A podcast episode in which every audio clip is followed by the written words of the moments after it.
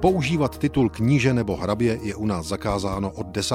prosince 1918. Tehdy zákon měsíc a půl mladé Československé republiky zrušil šlechtické tituly a řády. Pro republikánské a demokratické Československo to byl jeden z prvních přijatých zákonů. V příslušném dokumentu se doslova píše, že šlechtictví a řády, jakož i veškerá z nich plynoucí práva se zrušují, rovněž tak tituly, pokud byly udělovány jako pouhé vyznamenání. Šlechtické rody přišly částečně i o pozemky a nemovitosti a to po pozemkové reformě z roku 1919, jenže každé zákonné nařízení bez sankcí je bezzubé. Proto českoslovenští poslanci právě před stolety 10.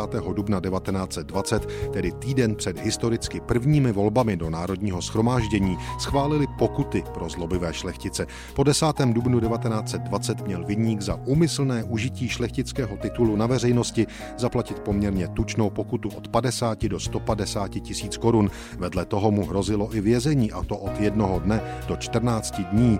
Mladé Československo šlechtickým rodům vyčítalo úzké propojení s nenáviděnou rakousko-uherskou elitou. Mnoho lidí považovalo aristokracii za nečeský, respektive nečeskoslovenský element.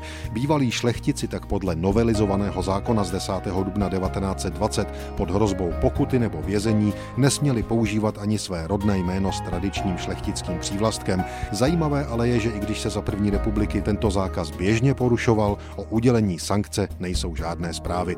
České šlechtické rody ale i po dubnu 1920 čekala barvitá budoucnost. Zákon z roku 1936 jim zakázal používat i erby a tituly nesměli využívat ani ti, kteří by se za aristokraty jen vydávali. V době protektorátu se platnost šlechtických titulů vrátila, ale jenom na chvilku. Po válce majetek některým rodům zabavili dekrety prezidenta Beneše a o zbytek se postarali komunisté po únoru 1948. Neoprávněně zabavené majetky umožnili navrátit až restituce po roce 1989. Šlechtické tituly ale neuznávají ani dnešní české zákony. thank you